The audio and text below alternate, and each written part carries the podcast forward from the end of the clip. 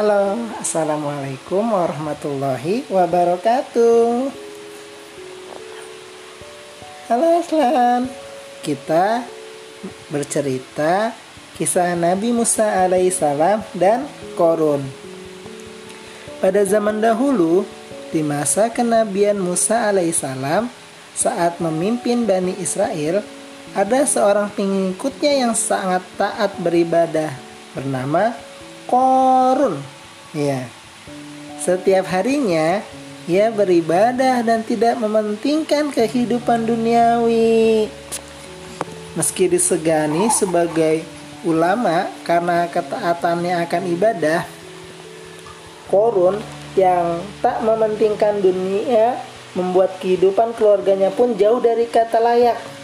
Sang istri yang bernama Ilza pun sering mengeluh ingin kehidupan yang lebih layak. Singkat cerita, suatu hari datang dua orang laki-laki Aslan.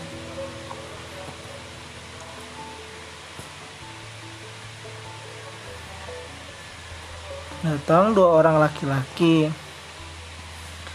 Utusan Raja Golan namanya, memberinya hadiah berupa uang emas yang sangat banyak Korun menolaknya dan berdalih bahwa ia tak mengenal Raja Golan dan tak membutuhkan bantuan.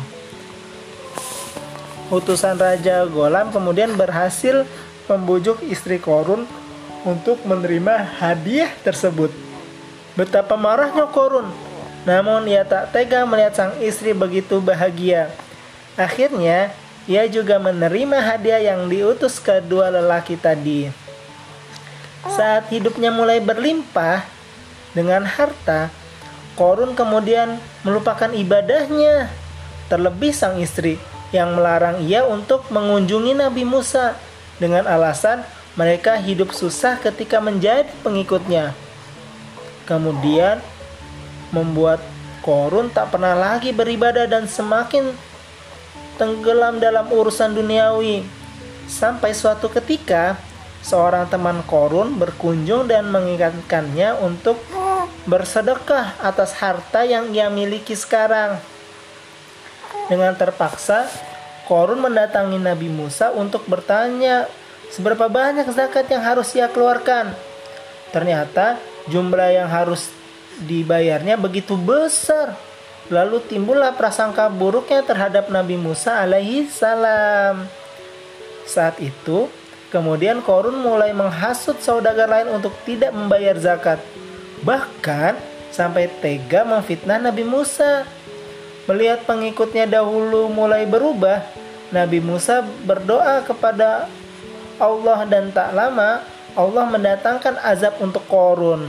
Apa ya kira-kira azabnya? Korun meminta ampun, tapi semuanya sudah terlambat. Ia beserta hartanya pun habis ditelan bumi. Klup, hup, ditelan dia. Hup, gitu Artan.